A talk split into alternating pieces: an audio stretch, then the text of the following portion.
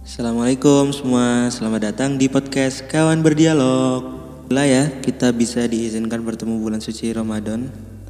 Eh, 30 hari yang populer dengan segala keistimewaannya, mulai dari pahala berlipat ganda, dihapuskannya dosa, akses khusus menuju surga, bahkan tercantum dalam Al-Quran surat Al-Baqarah ayat 183, Wahai orang-orang yang beriman, diwajibkan atas kamu berpuasa, sebagaimana diwajibkan atas orang sebelum kamu agar kamu bertakwa.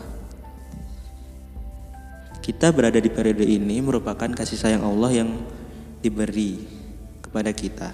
Harusnya kita lebih ngawas diri, berbenah dan menyiapkan strategi untuk menghindari hal-hal yang negatif. Pesan aku di bulan Ramadan ini dan di tengah pandemi yang sedang kita hadapi ini, ayo kita lebih melihat orang-orang di sekitar kita. Masih banyak orang-orang di luar sana yang kesusahan. Kita bisa makan enak, orang-orang di luar sana belum tentu bisa makan seenak kita. Bahkan mungkin ada yang tidak makan di luar sana. Ayo kita saling membantu sama lain, kita saling membantu sekitar kita. Jika kita tidak bisa membantu dengan uang, mungkin kita bisa membantu dengan doa-doa. Insya Allah akan kabulkan oleh Allah.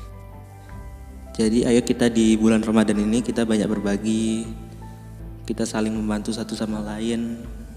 Di tengah pandemi corona ini, kita harus saling membantu satu sama lain. Ayo kita sama-sama berjuang melawan corona dan biasanya di bulan suci Ramadan di air-air atau di tengah-tengah ada yang namanya zakat fitrah.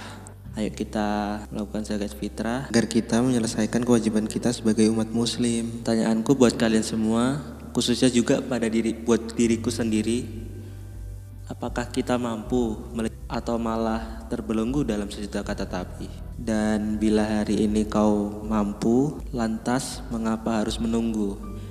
Zakat fitrahmu adalah energi bagi saudaramu. Mari kita berzakat agar kita memberikan energi kepada saudara-saudara kita. Jika ada tutur kata yang salah, mohon dimaafkan ya. Saya Ian undur diri. Terima kasih. Wassalamualaikum warahmatullahi wabarakatuh.